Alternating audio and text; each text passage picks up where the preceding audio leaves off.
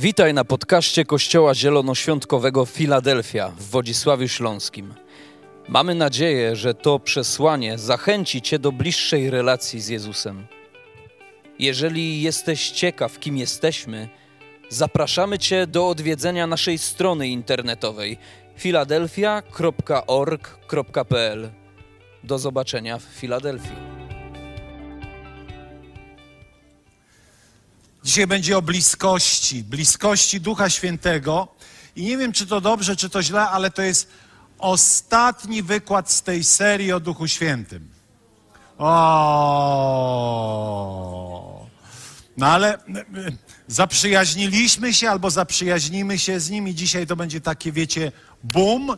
Już bardzo y, takie wchodzimy w relację z Duchem Świętym, po to, żeby potem cieszyć się tą bliskością. Bo dzisiaj chciałem to zakończyć, um, zakończyć właśnie bliskością, tak nawiązując trochę do tego ogłoszenia o konferencji. Um, bliżej siebie, ja tak to doprecyzuję, żeby też to wybrzmiało, tak powiem po chłopsku. To jest konferencja dla małżeństw, dla narzeczonych i dla singli, którzy chcą budować zdrowe związki małżeńskie. E, nie partnerskie, bo tam była, w ogóle na tej grafice była mężczyzna, faceta i faceta. To nie o tym ta konferencja. To nie o tym ta konferencja, a więc to jest konferencja dla małżeństw, dla narzeczonych, dla singli, którzy chcą budować bliskie relacje, czy, czy, czy budować rodziny obecne, przyszłe, e, w, blisko połączone ze sobą. Bo wiecie, można mieszkać razem ze sobą i, e, i kompletnie być daleko. Tak więc to jest o tym. To jest o tym. To jest ta zaległa konferencja sprzed COVID-u. E, I ci, którzy wykupili wejściówki przed COVID-em, one obowiązują, my mamy wszystko zapisane e, i po nabożeństwie można e, wykupić taką wejściówkę w księgarni. E, ale ciekawostka jest to, że dla ludzi spoza kościoła możesz otrzymać wejściówkę gratis. Jest tylko jeden warunek, żeby ci ludzie przyszli, bo chodzi o to, że będziemy blokować miejsce.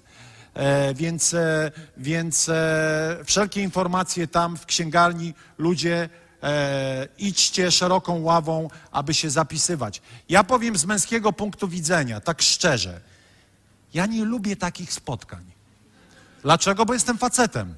Większość mężczyzn nie lubi takich spotkań, ale to prawda, to prawda, więc musicie, e, drogie panie, nam, namówić swoich mężów, e, swoich narzeczonych, aby chcieli przyjść. Powiedzcie, pastor też nie lubi, ale będzie. Bo nie wszystko, co dobre, e, zawsze dobrze smakuje. Wiecie, to jest tak jak z lekarstwem. E, czasami trzeba połknąć jakiś gorzki syrop, e, ale on, on leczy. E, I tak samo z tym spotkaniem. My nie lubimy, no co tam będę gadał, że ja to wszystko wiem, wiecie, my faceci wszystko wiemy, tylko tak naprawdę czasami e, życie to weryfikuje. A więc ja będę, chociaż nie lubię tego typu spotkań, ale nie chcę być głupi i chcę poznać proste prawidła, które sprawią, że po prostu będziemy bliżej siebie. E, I wy, mężczyźni, też to zróbcie. Będziemy cierpieć, ale na koniec stwierdzimy, że warto było. E, To taka, e, wiecie, w Filadelfii poziom szczerości jest zawsze bardzo wysoki. Nie będziemy tych wszystkich okrągłości mówić o dojrzałościach i w ogóle, że my tacy wspaniali. Ja, ja się decyduję tam być. Po prostu. Ja się decyduję tam być, bo chcę być bliżej mojej żony, bliżej moich dzieci, ale także bliżej Was. Natomiast generalnie to jest e, spotkanie bliżej siebie w takim kontekście mocno ujętym rodziny. E, I też to też jest e, pierwsza konferencja, która rozpoczyna taki cykl corocznych spotkań poświęconych małżeństwom i relacjom damsko-męskim, tak szeroko ujmiemy. Chcemy to wprowadzić, widzimy potrzebę, bo tak naprawdę jak w rodzinie się dużo dobrych rzeczy praktykuje, to potem i w innych relacjach międzyludzkich jest lepiej. Jeżeli w domu jest dziko, jeżeli rodzice są dzicy, jeżeli między rodzicami a dziećmi jest dziko, to i dzikie dzieci wychodzą na świat, które mają dzikie relacje. Tak to działa. Tak to działa. Nie chcemy krzywdzić siebie nawzajem, ani także naszych dzieci, więc chcemy się rozwijać. Zapraszajcie, jeśli wasi mężowie nie chodzą do kościoła, to nie wiem, go wymyśl coś, ale niech przyjdzie, może będzie jedyny raz, który przyjdzie, a potem zobaczy, wow, jest ciekawie, może zgłębię te sprawy, te miejsce, do którego chodzi moja małżonka albo, albo, albo mój mąż. Jeżeli jesteście, że tak powiem, parą i macie e, zamiar się pobrać, to też was zapraszamy. A jeżeli nie jesteś parą, jesteś sam, ale chcesz kiedyś się pobrać, to też czuj się zaproszony i tak dalej. No idąc dalej, dzisiaj będzie o tej bliskości, ale z Duchem Świętym. E, Jest ciekawy fragment, pozwolicie, że ja go przeczytam. On w ogóle jest takim fragmentem e, pokazującym w ogóle trójjedyność Boga, e, że Bóg jest w Trójcy jedyny, ale też on dużo mówi o, o tym, czym, kim jest Duch Święty w połączeniu z nami. Oto list do Koryntian, 13, ro- e, drugi list do Koryntian, 13 rozdział, 13, 13 wiersz.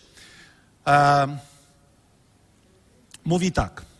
Niech łaska Pana Jezusa Chrystusa, miłość Boga i wspólny udział w Duchu Świętym nadają bieg waszemu życiu. Wow. Wow. Jeszcze raz. Łaska Pana Jezusa Chrystusa, czyli Jezus przynosi do naszego życia łaskę, miłość Boga, a zobaczcie to, więc to ojcowskie serce Boga i wspólny udział w Duchu Świętym.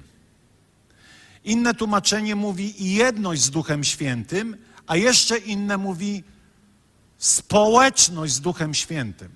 Niech nadają bieg naszemu życiu. Czyli według tych trzech zasad, prostych zasad, które wynikają z relacji z Bogiem Ojcem, Jezusem Chrystusem, a dzisiaj mówimy wspólnocie z Duchem Świętym, niech będą po prostu drogą waszego życia, tak można by było powiedzieć. I zobaczcie, chrześcijanie, szczególnie ci, którzy stronią od takiego ujęcia charyzmatycznego, działania Ducha Świętego, jeżeli wykasujemy realność osoby Ducha Świętego w naszym życiu, co nam zostanie dzisiaj? Czytanie Biblii. To nie jest złe, to jest fundament w ogóle. Czytanie Biblii. Ale Duch Święty w naszym życiu powinien być z nami we wspólnocie, społeczności. Greckie słowo koinonia, które właśnie jest słowem określającym wspólnotę, bycie razem, mówiąc tak już po chłopsku, albo też, zobaczcie, koinonia, czyli uczestnictwo, wspólnota, związek, połączenie i jeszcze jedno znaczenie współczucie. Wow! Czyli moje życie we wspólnocie z Duchem Świętym to jest życie w połączeniu z Nim, to jest uczestnictwo w Nim, z Nim, e, z, e, z Nim albo z tym, co On czyni, ale On nie jest tylko takim sucharem, suchim, suchym uczestnikiem wspólnoty, ale jeszcze współodczuwa. A my współodczuwamy też. Wow! Wow! Zobaczcie, jak, jak, jak Biblia zaprasza nas do bliskości z Duchem Świętym, że On odczuwa nas, a my odczuwamy Jego. To, je, to jest coś. I wiecie, kiedy, kiedy przygotowywałem się do dzisiejszego spotkania, zacząłem sobie wymieniać, czy wyszukałem sobie wszystko to, co On czyni w połączeniu z nami, i byłem zszokowany, a 30 lat chodzę z Panem i z Duchem Świętym. Jakby na nowo odkryłem, ile, jeżeli wykasujemy realność Ducha Świętego z naszego życia, to ile nam zostanie? To co nam zostanie? To chrześcijaństwo zostanie nam jedynie jako taki, wiecie, system nakazów, zakazów, to wolno, tego nie wolno, jako taki zbiór etyczny, że chrześcijanie, nie wiem, nie kradną, nie kłamią. E, i, I co? A gdzie ta cała frajda? Gdzie ta cała nieprzeciętność życia z Bogiem? Gdzie te całe ponadnaturalne doświadczenie Boga, do którego Biblia nas zachęca? Tu zrobiłem sobie dzisiaj taki zestaw. To nie dlatego, że mi się, a właściwie może dlatego, że mi się tak pić chce. E, nie, żartuję. Będę chciał dzisiaj Wam wytłumaczyć tak um, obrazowo, na czym polega chrzest Duchem Świętym i dlaczego on jest taki istotny abyśmy wszyscy na tej sali Wszyscy na tej sali przeżyli biblijny chrzest Duchem Świętym połączony z darem mówienia nowymi językami. Koniec, kropka. To jest standard. To jest standard. Posłuchajcie, napisałem sobie takie zdanie. Wspólnota z Duchem Świętym to jest jedyny standard. Wspólnota, bycie razem, bycie blisko, to jest jedyna rzecz, jaką nam wypada robić. Nie możesz go jedynie zaakceptować, że jest częścią trójjedyności, trójjedynego Boga. To jest realność, tak realna jak to, że ja tu stoję. Tak realny jest Duch Święty, ludzie. I ja wiem, co mówię. 30 lat temu wydawało mi się, że wiem, co mówię, ale mogę powiedzieć, że dzisiaj trochę wiem, co mówię. 30 lat temu, kiedy były czasy, wiecie, takiego pierwszego, większego poruszenia w Polsce, nam się wydawało, że my już tyle złapaliśmy, to były cudowne czasy, ale wiecie, to, co dzisiaj Bóg nam daje, jest wprowadzeniem do znacznie większych rzeczy i kiedy wejdziesz w to, twoje chrześcijańskie życie w końcu stanie się ekscytujące. Dlatego, że zobaczysz, dlatego, że zobaczysz bezpośrednie działania w Twoim Bogu i powiesz przypadek? Nie sądzę. Wiele razy chrześcijanie jakby w taki sposób nierozważny, i za chwilę o tym powiem, zgadzają się na życie w realności samego siebie bez Ducha Świętego, przez to są strasznie zmęczeni tym duchowym życiem. Dlatego, że tak bardzo się starają, tak bardzo chcą, tak bardzo polegają na swojej własnej sile i tak bardzo są sfrustrowani, że wiele razy nie oglądają tego, co jest zapisane w Biblii.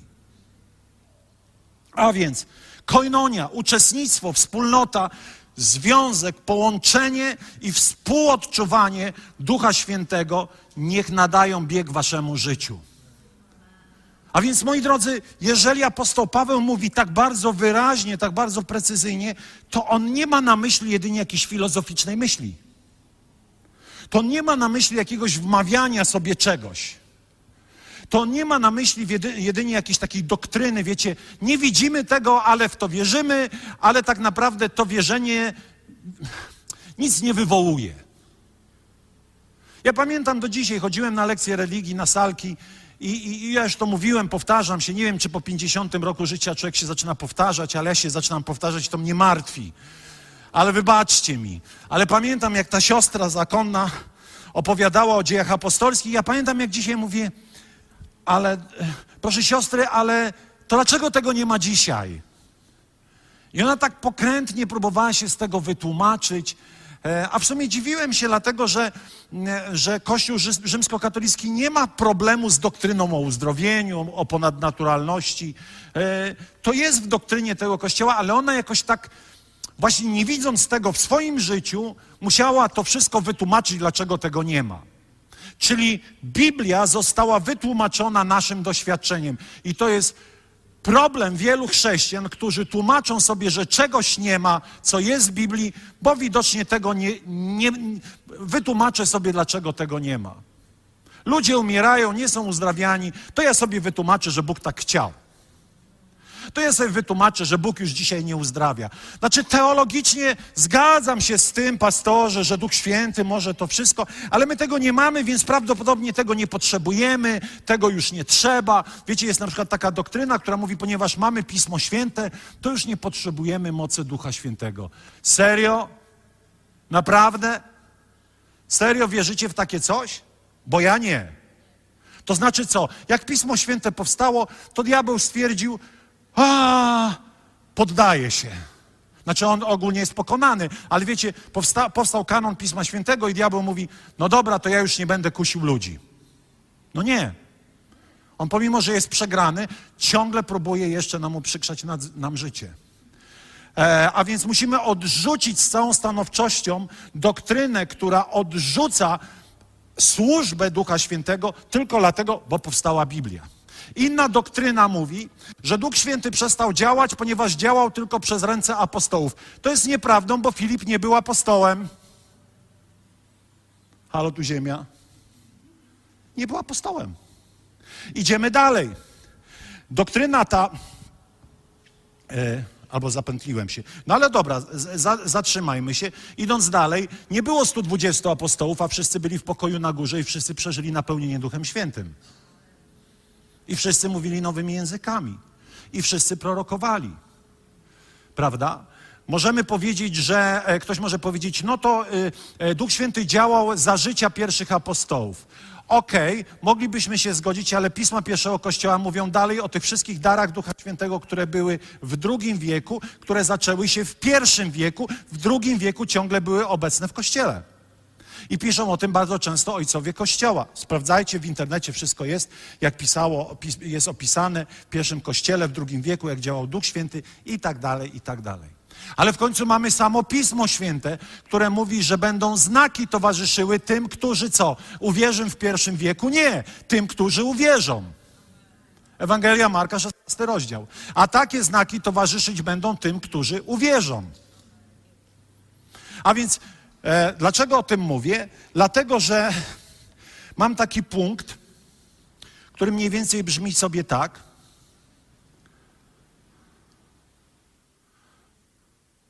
On gdzieś jest w środku, ale, ale już tak przeskoczyłem. Przyjmij przez wiarę i odrzuć zawiłą teologię, która cię z tego eliminuje.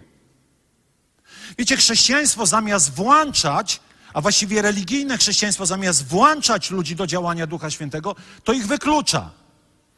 Albo ty nie możesz, bo to, albo ty nie możesz, bo tamto, albo ty, bo nie, nie, nie masz jeszcze tego, a tamtego, owego, a nie przystąpiłeś jeszcze do chrztu wodnego, nie możesz przyjąć Ducha Świętego. Nieprawda. Jedyny warunek, jaki musisz spełnić, żeby doświadczyć mocy Ducha Świętego, o której dzisiaj wam mówię, to być nowonarodzonym chrześcijaninem. To jest jedyny warunek. I włączasz swoją wiarę, i ta wiara jakby sprowadza działanie Ducha Świętego do Twojego życia. Wiecie, chrześcijaństwo przygotowuje się do, do, do, do This is Our Time. Tam będę miał e, e, jedno nauczanie, które zatytułowałem Prostota. I wiecie, co zauważyłem? Prostota, nie prostactwo. Bo prostactwa w kościołach jest całe mnóstwo.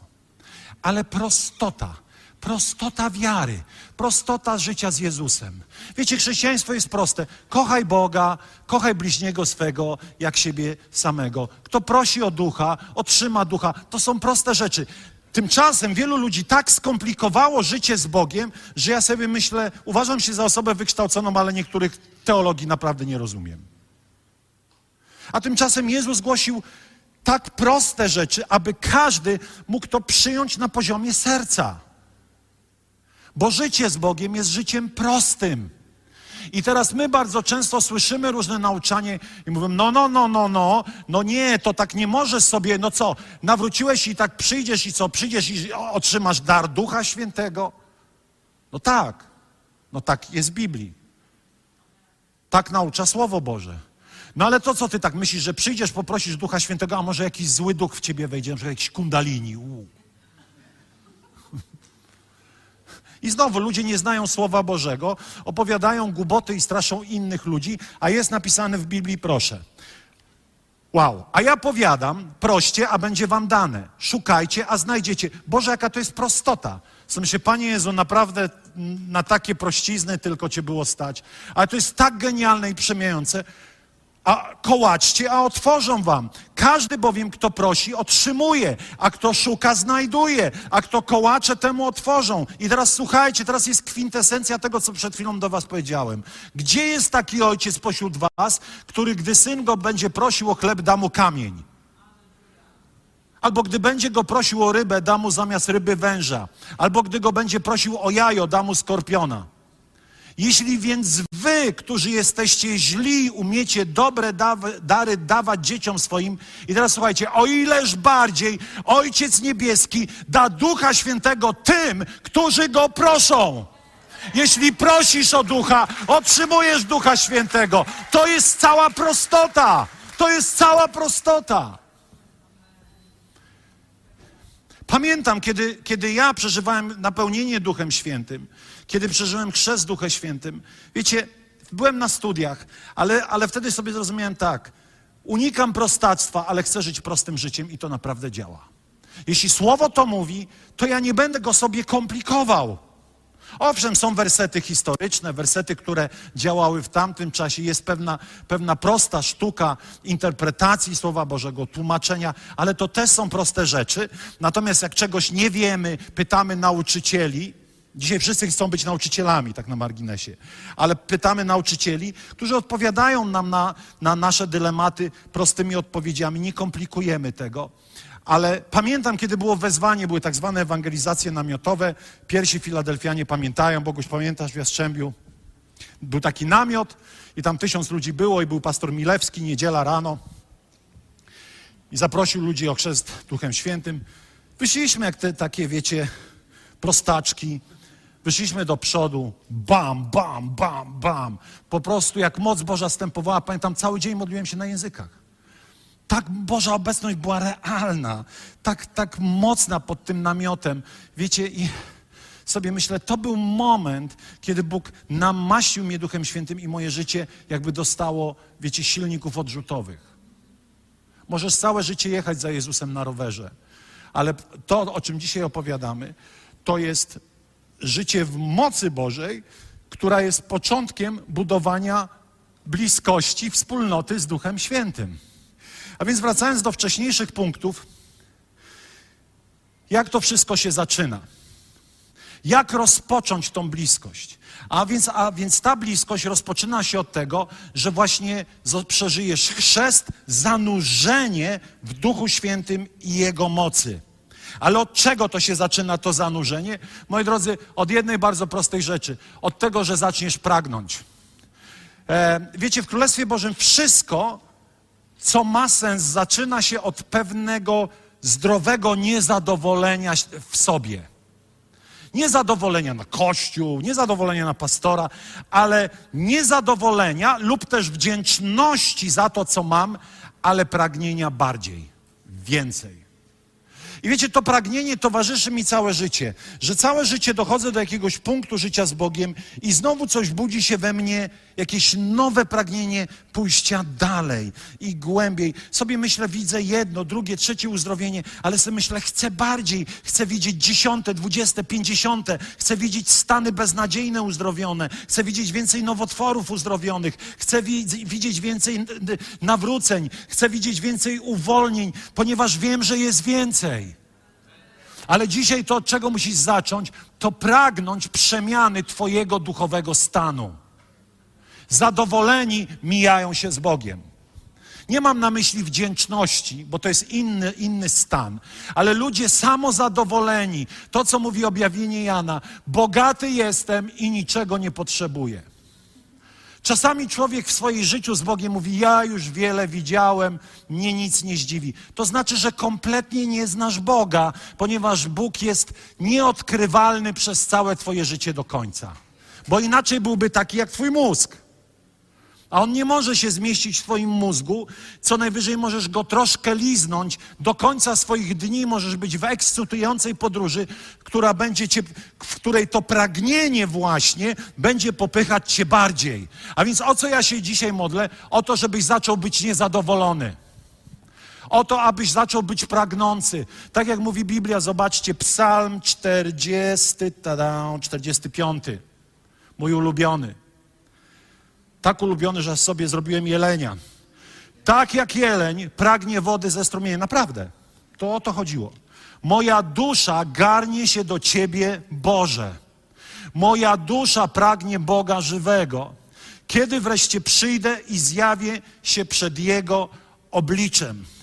Moi drodzy, to pragnienie, to ta obsesja na punkcie zaspokojenia duchowego głodu będzie pchała cię do większych rzeczy. Brak tej obsesji, brak tego pragnienia, brak tego głodu będzie sprawiał, że będziesz stał w miejscu, inni idą dalej, a ty pozostaniesz z tyłu i tam umrzesz. Dlatego, że kto nie idzie do przodu, ten się cofa. To jest stare takie powiedzenie. Ale taka jest prawda. Jeżeli przez lata utchnęłeś w swoim życiu z Bogiem w jednym miejscu, to znaczy, że coś się popsuło. To znaczy, że Bóg musi na nowo wzbudzić w tobie ten święty głód, ten, to święte pragnienie do tego, aby napić się z tego zdroju rzeki wody żywej, która na nowo cię ożywi, odświeży. Myślę, że wiecie, czasami jeździmy na wakacje i, i, i chodzimy na te plaże, nie plaże i przychodzi taki moment, kiedy zaczynasz pragnąć. I przychodzisz pod ten automat, tej Turcji, Egipcie, podkładasz tą szklankę. Oczywiście jesteś pewny, że pijesz taką stuprocentową Coca-Colę, nie wiesz, że pijesz turecką podróbę, ale oczywiście znaczy Coca-Coli pijesz, ale jest ci dobrze, jest zgaszone pragnienie. Na nowo czujesz się odświeżony, na nowo czujesz się zachęcony.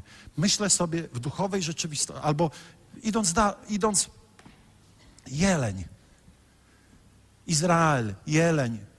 Nie wiem, czy w Izraelu są jelenie. Chyba są, skoro to napisali. Wiemy, że Izrael ma różne części, różne strefy klimatyczne, ale generalnie w Izraelu jest ciepło. I ten jeleń chodzi i szuka tej wody, szuka tego strumienia, pokonuje różne przeszkody. Może czasami idzie wiele kilometrów. Po co? Po to, żeby się napić.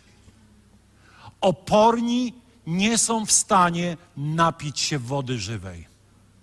Oto jest napisane, że synowie oporni, że ci, w których jest opór, jakaś niechęć, jakiś sceptycyzm, zostają w tym miejscu tego powolnego zgonu. Dlatego, że niewiara, niechęć. Ja nie mówię, że macie być jak małe pelikany, ale ja chcę tylko was łykać wszystko, ja tylko was zachęcam do słowa. Czytajcie słowo. Pytanie jest proste. Tu nie ma wielkiej teologii. Czy pragniesz Boga jak jeleń wód? Zdefiniuj dzisiaj miejsce, w którym jesteś. To jest prosta teologia. Tu nie mam miejsca na jakąś wielką interpretację. Tak jak jeleń pragnie wody ze strumienia, moja dusza garnie się do Ciebie, Boże. Pytanie jest, czy jestem w tym miejscu. Powinienem być zawsze w tym miejscu, bo wiecie, jak jest z głodem i z pragnieniem Bożym. Im więcej pijesz, tym bardziej chcesz. To jest pewien rodzaj dziwaczności, która sprawia, że pijesz i jesteś jeszcze bardziej spragniony, ale to pragnienie jest jakąś słodyczą, ponieważ prowadzi cię to tak jak z czekoladą. I więc jak zjesz czekoladę, to wiecie, co się pojawia? Żarłoczność. Nie udało, nie udaje mi się nigdy zjeść kawałka czekolady. Zawsze ją załatwię do końca. Ale oczy, oczywiście jest takie, wiecie, święte postanowienie, tak moja Angelika zawsze mówi, a nie możesz tak ten taki paseczek. Ja mówię, serio? Całą. I w tym jest podobnie. Im więcej pijesz, tym bardziej chcesz pić. Im więcej pijesz, tym bardziej chcesz pić. I teraz wyobraź sobie, przestajesz pić i mówisz, wystarczy. Co się dzieje? Umrzesz. Umrzesz. Pastorze, czy to możliwe w chrześcijaństwie umrzeć? Oczywiście, objawienie Jana, masz imię, że żyjesz, ale jesteś martwy. Chodzisz, czytasz Biblię nawet, nawet chodzisz do kościoła, ale pytanie jest, czy żyjesz? Pytanie jest, czy ciągle jest w tobie ten głód więcej i bardziej? Czy naprawdę sprawy królestwa cię nakręcają na bardziej? Ostatnio rozmawiałem z pastorem Jakubem Kamińskim, mówię, Jakubie, ja nawet w trumnie będę się miotał, żeby y, oczekiwać przebudzenia w Polsce. Ja nawet tam będę się trząsł i trzepał w niespokojnym duchu, żeby było więcej zbawionych dusz. Oczywiście żartuję, w trumnie będę, y, znaczy moje ciało będzie tam, ale wiecie, chcę wam pokazać, ja tego do końca nie rozumiem, skąd to się bierze, ale wiem, że jedną z kluczowych rzeczy jest ta wspólnota z Duchem Świętym, w której coraz bardziej chcę być. Nie chcę powiedzieć, już się napiłem, wystarczy. Nie możesz tak nigdy zrobić. Nie możesz nigdy dozować swojego doświadczenia życia z Bogiem. I oto Jezus przychodzi. W Ewangelii Jana w siódmym rozdziale mówi tak, a w ostatnim wielkim dniu święta Jezus stanął i głośno zawołał.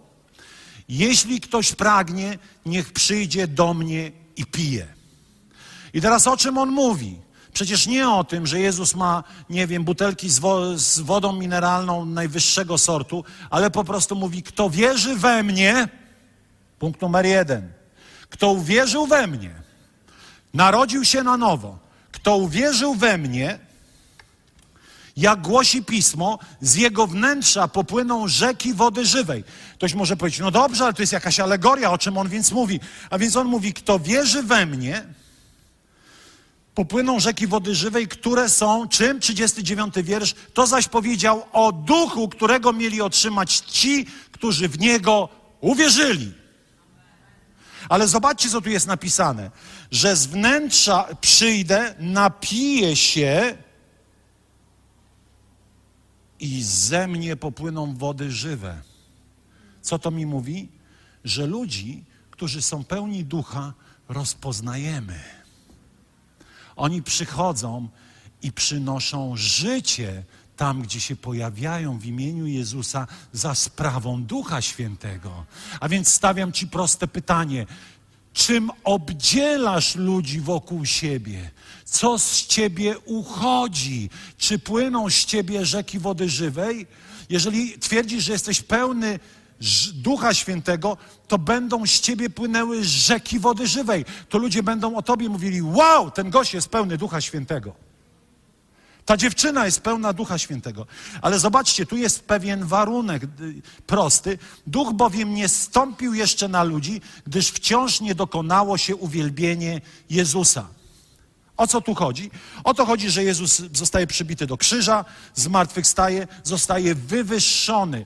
I to jest bardzo ważne, kiedy będziemy się modlić, że uwielbienie Jezusa, wywyższenie poprzedza uwolnienie Ducha Świętego. Tak to moglibyśmy powiedzieć w mocy i w, i w, i w, e, w mocy i w darach Ducha Świętego.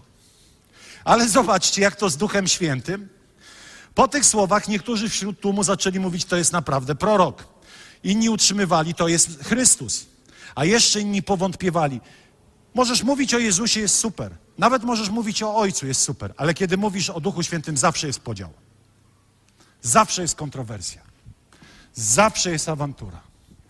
Nie, bo my rozumiemy tak, a my rozumiemy tak, a po co to w ogóle gadać, a, a, co tu jest nie tak, po co to w ogóle ten, a jeszcze w ogóle niektórzy to się dziwnie zachowują, po co to takie w ogóle wymyślania i robienie problemów. Ano po to, żebyś żył we wspólnocie z Duchem Świętym, ale musisz zacząć od chrztu w Duchu Świętym.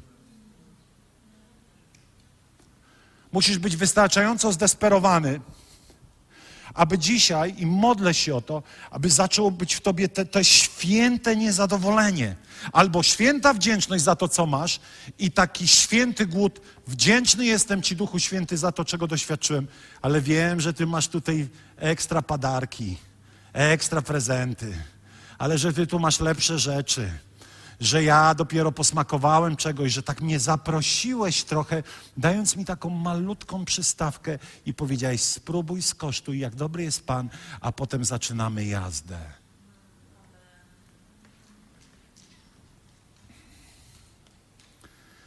No w każdym razie zaczęli się tam kłócić, bo to często tak jest.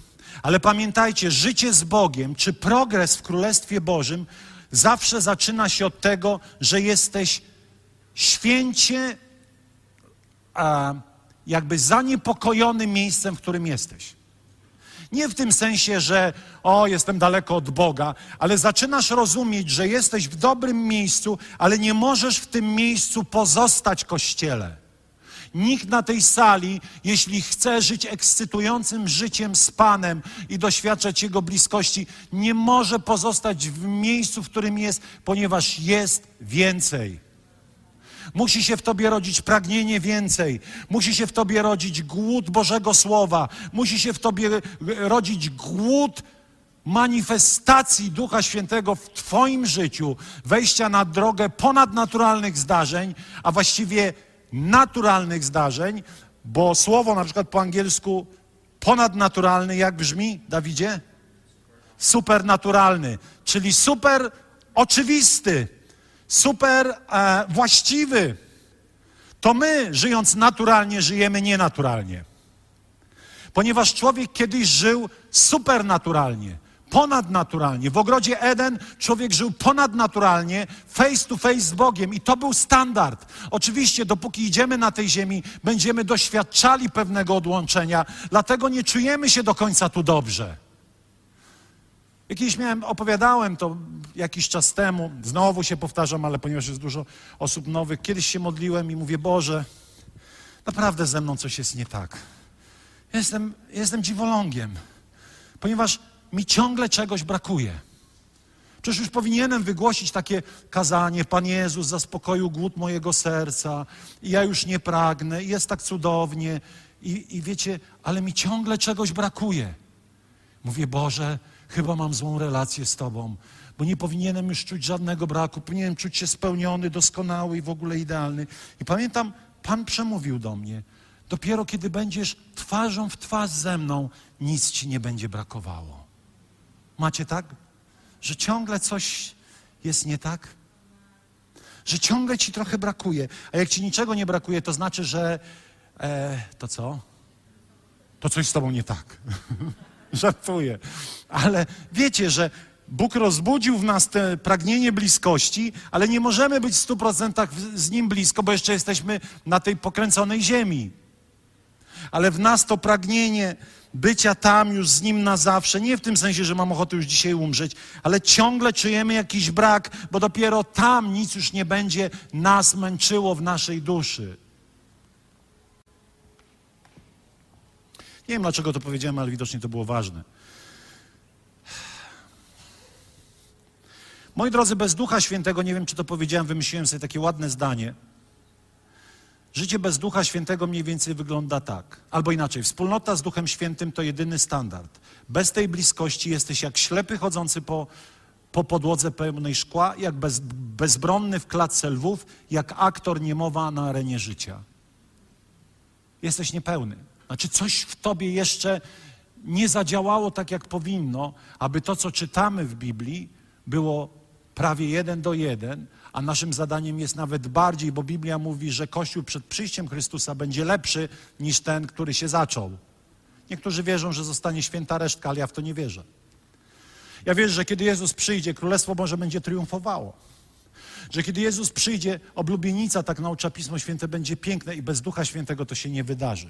A więc po pierwsze pragnij, bądź spragniony, bądź a, bądź tym, który powie: Jestem w miejscu świętego niezadowolenia. A więc zobaczcie bardzo szybko, jak wygląda zatem ta wspólnota. Bardzo szybko, bo wersetów mam kilkadziesiąt, nie będę ich czytał spokojnie, ale jest napisane i jak mówi Duch Święty, a więc Duch Święty mówi. Dalej jest napełni, powiedziane, napełnił ich Duch Święty, więc prorokowali. A, a więc kiedy Duch Święty przychodzi, wygłaszasz słowa od Boga do ludzi. Dalej jest napisane, Duch Święty poucza nas w trudnych godzinach naszego życia. Potem jest dalej napisane, że objawia objawia im różne prawdy Bożego Słowa, różne mądrości.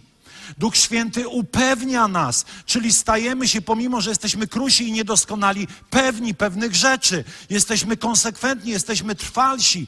Duch Święty czasami przeszkadza. Mieliście tak, że czasami Duch Święty wam przeszkodził? Nie zawsze Duch Święty nas nam ułatwia, czasami nam zamyka drzwi. Czasami mówi, tędy nie pójdziesz. Czasami powie, tego nie zorganizujesz, tego nie zrobisz, a zrobisz tamto, tamto, tamto. Myśmy się przyzwyczaili, że Duch Święty nam tylko otwiera. Czasami otwiera, ale czasami zamyka. Dalej jest napisane, że włożyli na nich ręce i stąpił na nich Duch Święty, i to jest dzisiaj o czym mówimy, i mówili językami i prorokowali. Dalej jest napisane, postanowiliśmy bowiem my i Duch Święty, a więc Duch Święty współuczestniczy w procesach decyzyjnych. I nie ma na myśli tego, jaką zupę ugotujesz na obiad. Bo tutaj przerywnik, kiedy mówię o wspólnocie z Duchem Świętym, to mam na myśli wspólnotę. We wspólnocie są partnerzy. Duch Święty nie zaprasza nas i nie mówi przyjdź do mnie i ty przychodzisz. On otwiera taką klapkę, przekręca taką wajchę i włącza się taki chip i yy, powstaje robot. Ja sobie przeczytałem, ktoś mówi, chcę takiego duchowego wzrostu, aby ty, we mnie było 100% działania Ducha Świętego i kompletnego poddania pod doskonałą wolę Jezusa. Sobie myślę, to dobrze brzmi, ale to nie jest prawda. Ja zaraz to wytłumaczę. To znaczy, że co? Jak idę robić kanapkę, to mam pytać Jezusa, co z tym fantem zrobić, czy nie? No pytam was. No przecież to jest kretyńskie. Duch Święty uczynił nas partnerami, włożył w naszą czaszkę mózg, stworzył go jako najgenialniejszy organ. I są pewne rzeczy, w których Duch Święty mówi: Stworzyłem cię doskonale, żyj ze mną i podejmuj decyzje. Kieruj się mądrością, rozwagą. Roboty. Panie, czy mam iść w prawo, czy w lewo? Skręcić w lewo, w lewo. I bardzo często my myślimy, że ja o tym mówię, ja o tym nie mówię w ogóle. Ja mówię o tym, że Duch Święty wkracza tam, gdzie nasza moc się kończy i czyni to życie wyjątkowym. Tam, gdzie potrzebujemy Jego mocy, Jego mądrości, tam, gdzie jako ludzie w tym niedoskonałym świecie potrzebujemy Jego wsparcia, ale te codzienne sprawy masz głowę, masz mądrość, żyj. Potem pytamy Ducha Świętego, czy skręcić w prawo, czy w lewo, ale kiedy mamy go naprawdę pytać o istotne sprawy, to nie pytamy. Idziemy dalej. Postanowiliśmy bowiem my i Duch Święty. I rzekł Duch Święty, czyli Duch Święty mówi: Odłączcie mi Barnabę, Saula do dzieła, do którego ich powołałem. Czyli Duch Święty mówi: Powołałem tego, tego i tamtego do pewnych rzeczy. I teraz liderzy co kościoła? Liderzy kościoła to tylko rozpoznają. Jak rozpoznają? Poprzez manifestację się obdarowań tych ludzi i błogosławieństwo, jakie wynika z tego, że ci ludzie robią to, co robią. My nikogo nie powołujemy. My tylko w imieniu Jezusa powołujemy rozpoznając, kto do czego człowieka powołał. Ale to Duch Święty daje te zmysły, tą ocenę, to wejrzenie, aha, ten do tego, ten do tego, ten do tego, ale my jakby jesteśmy przedłużeniem jedynie doskonałej woli Ojca. Co dalej? Duch Święty był nad nim. I tu za chwilę przyjdziemy do tego, co to znaczy nad nim. Duch Święty przepowiedział przez usta Dawida. Duch Święty będzie mówił przez ciebie do życia innych ludzi. Wow! Tu znowu wracamy. Duch Święty ustanowił biskupami. Duch Święty stąpi na ciebie i moc Najwyższego ciebie za, zacieni. To mówi Duch Święty, męża, do którego ten pas należy i tak dalej, i tak dalej. Czyli znowu widzimy, kiedy Duch Święty przemawia przez ludzi do innych ludzi. Albowiem nie wy jesteście tymi, którzy mówią, lecz Duch Święty. Wow! Wow, boimy się takich stwierdzeń. Oczywiście czasami ludzie przesadzają. I ja nie mówię o tym patologicznym nadużywaniu stwierdzeń Duch Święty mi powiedział ale mówię o zdrowej, nietoksycznej równowadze, kiedy naprawdę potrzebujemy służby Ducha Świętego, wsłuchujemy się i podążamy za Jego wrażeniami, myślami, obrazami, sugestiami, za ożywionym Słowem Bożym Pisma Świętego i nagle okazuje się, wow, jakie to jest życie. Proroctwami. Dlatego wzbudzamy kulturę proroczą, ponieważ chcemy, aby prorokował każdy. Powiedzcie każdy. Odwróć się do sąsiada i powiedz, czyli ty też.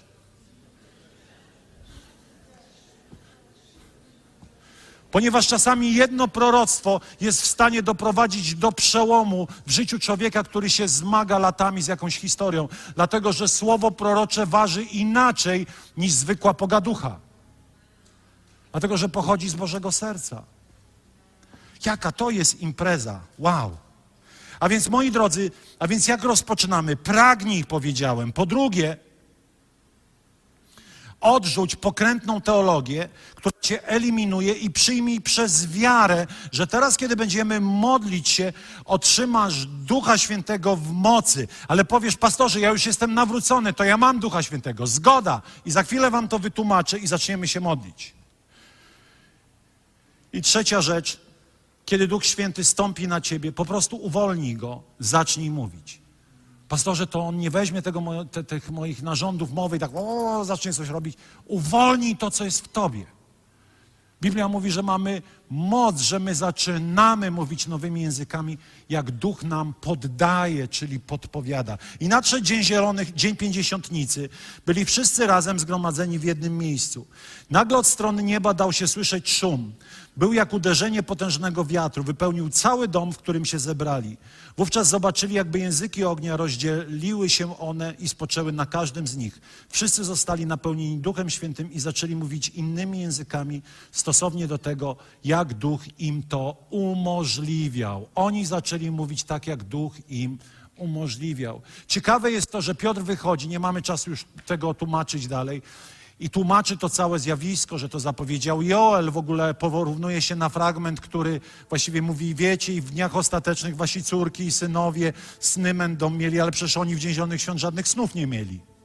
Tylko on już powiedział, jakie skutki tego będą, co się tu wydarzyło. Czyli kiedy przyjdzie Duch Święty, stąpi na nich w mocy, to będą mieli sny, będą prorokowali, etc., etc. I wiecie, żeby nie było wątpliwości, mówi obietnica tego Ducha Świętego dotyczy was oraz wszystkich. Powiedzcie głośno wszystkich Wszystkich, których Pan Bóg powoła. To nie było zdarzenie historyczne, to nie było zdarzenie, które miało być w jakiejś dekadzie. To miało być normalne życie Kościoła, że Duch Święty w mocy będzie wylewany na każdego nowonarodzonego chrześcijanina. I teraz o, to, o co zatem chodzi? Moi drodzy, drobny obraz. To jesteś ty. Tak. Alegorie, epitety i porównanie. To jesteś ty. Nienawrócony. Pusty potrzebujący zbawienia. No, żyjesz sobie i pewnego dnia przychodzisz do Filadelfii, albo spotkałeś jakiegoś chrześcijanina z Filadelfii, albo skądkolwiek. On opowiada ci o Jezusie. Pan Jezus zmarł na krzyżu za twoje grzechy. Klękasz, albo też stoisz, albo leżysz i mówisz: Jezu, uznaję Cię jako mojego Pana, Boga i Zbawiciela. Wybacz mi wszystkie moje grzechy. I w tym momencie Biblia mówi, że Rodzisz się na nowo. Teraz muszę trafić. A nie, może ze szklanki naleję. Rodzisz się na nowo, czyli w tobie zamieszkuje Duch Święty. Narodziłeś się duchowo. Jesteś w duchu pełny Ducha Świętego. Amen? Co jest ciekawe, idziesz do nieba. Idziesz do nieba. Ten Duch Święty tutaj już pozostanie z Tobą na zawsze. Bez względu jak prowadzisz życie mniej lub bardziej święte, ponieważ wyznałeś Go Panem, zrodziłeś się z Ducha Świętego, jesteś Jego własnością. Biblia mówi o pieczęci. Oczywiście automatyczne jakieś podejście do odmówienia modlitwy nie na tym w ogóle polega, żeby odmówić jakąś modlitwę, tylko żeby uwierzyć w swoim sercu, że Jezus zmarł na krzyżu. Tu nie chodzi o wyklepanie jakiejś modlitwy nawrócenia, tylko chodzi o szczere zapragnienie w sercu, żeby Jezus przebaczył Ci grzechy i stał się Twoim Panem to jesteś ty. Gdybyś w tym momencie, nie wiem, wyszedł na ulicę, spadłaby ci cegłówka z nieba, zginąłbyś, idziesz do nieba. Nie ze względu na to, jak fajny jesteś, tylko ze względu na to, że Jezus wybaczył ci wszystkie grzechy. To jesteś nowy ty. To już twój duch już jest odrodzony, ożywiony, w którym zamieszkuje Duch Święty. Duch Święty mieszka w nas. Ale Biblia mówi, że po niewielu dniach, Pan Jezus mówi, nie, nie odchodźcie z Jerozolimy, ponieważ po niewielu dniach zostaniecie ochrzczeni Duchem Świętym. Ochrzczeni, baptizo, zanurzeni. I teraz co się dzieje? Oto apostołowie czekają na baptizo, na chrzest Duchu Świętym na to drugie błogosławieństwo. Pierwszym było ich nawrócenie, ale Pan Jezus nie mówi idźcie i głoście, tylko mówi poczekajcie, aż zostaniecie zanurzeni w Duchu Świętym. Co to znaczy? Uczniowie zgromadzają się na modlitwie w czerniku, w pokoju na górze, modlą się, przylatuje Duch Święty z nieba i zaczyna ich napełniać, napełniać i nas zaczyna się wylewać. I nie tylko Duch Święty mieszka w nich, ale spoczywa także na nich. Na nas. Na nas. Z każdej strony. Kiedy wchodzisz pełny Bożej mocy, to ludzie to wiedzą, ponieważ płaszcz Bożej obecności to jest coś, co spoczywa na Tobie, a nie w Tobie. Zostałeś zanurzony w Duchu Świętym. I to są dwa osobne wydarzenia. Dzień Zielonych Świąt był początkiem, był wzorem, co Kościół ma czynić. O tym słyszymy, że apostowie potem szli i wszędzie modlili się. Jest opisanych siedem zdarzeń, kiedy modlili się o to, aby Duch Święty spoczął na uczniach, na wierzących. I w sześciu przypadkach jest napisane, a oni zaczęli mówić nowymi językami. Siódmy przypadek nie mówi tego, ale mówi o tym, że ci, którzy to widzieli, byli pod wielkim wrażeniem. Coś musiało z tymi ludźmi pełnymi Ducha Świętego się dziać. Bo gdyby się nie działo, wiecie, o, modlimy się, jesteś pełny Ducha Świętego, on jaki był, taki jest. Na serio, stojąc z boku, zapragnąłbym, powiedział, daj mi tej mocy. Bym powiedział, coś tu świrujecie, kochani. To jakiś jest teatr. Przecież jaki był, taki stoi.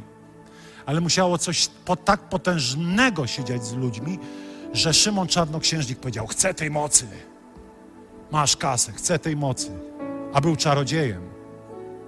Wiecie, to jest zabawne, kiedy w Afryce jesteś I wiecie, różni czar, czarnoksiężnicy przychodzą, różni ludzie związani duchami nieczystymi przychodzą i oni wierzą, że mają taką jakąś strasznie wielką moc nad tobą, a ty przychodzisz i mówisz, bądź wolny w imieniu Jezusa i nawet się nie wysilasz. Nawet nie wrzeszczysz, bo czasami można, wiecie, ja powiedziałem, że mój pierwszy egzorcyzm to diabeł już był tak zmęczony krzykiem, że już uciekł z tej kobiety, zmęczony po czterech godzinach, ale przychodzisz sobie myślisz i mówisz, bądź wolny w imieniu Jezusa. Duch odchodzi, ty, wow, mam tę moc. O, jaki mam autorytet i siłę. Moc Boża w Duchu Świętym. I nie tylko mówimy o złych duchach, ale mówimy o tej chrześcijańskiej codzienności, gdzie potrzebujemy mocy Bożej. Ta współpraca z Duchem Świętym to jest przygoda Kościele. To jest życie z silnikami odrzutowymi. Powstańmy. Powstańmy.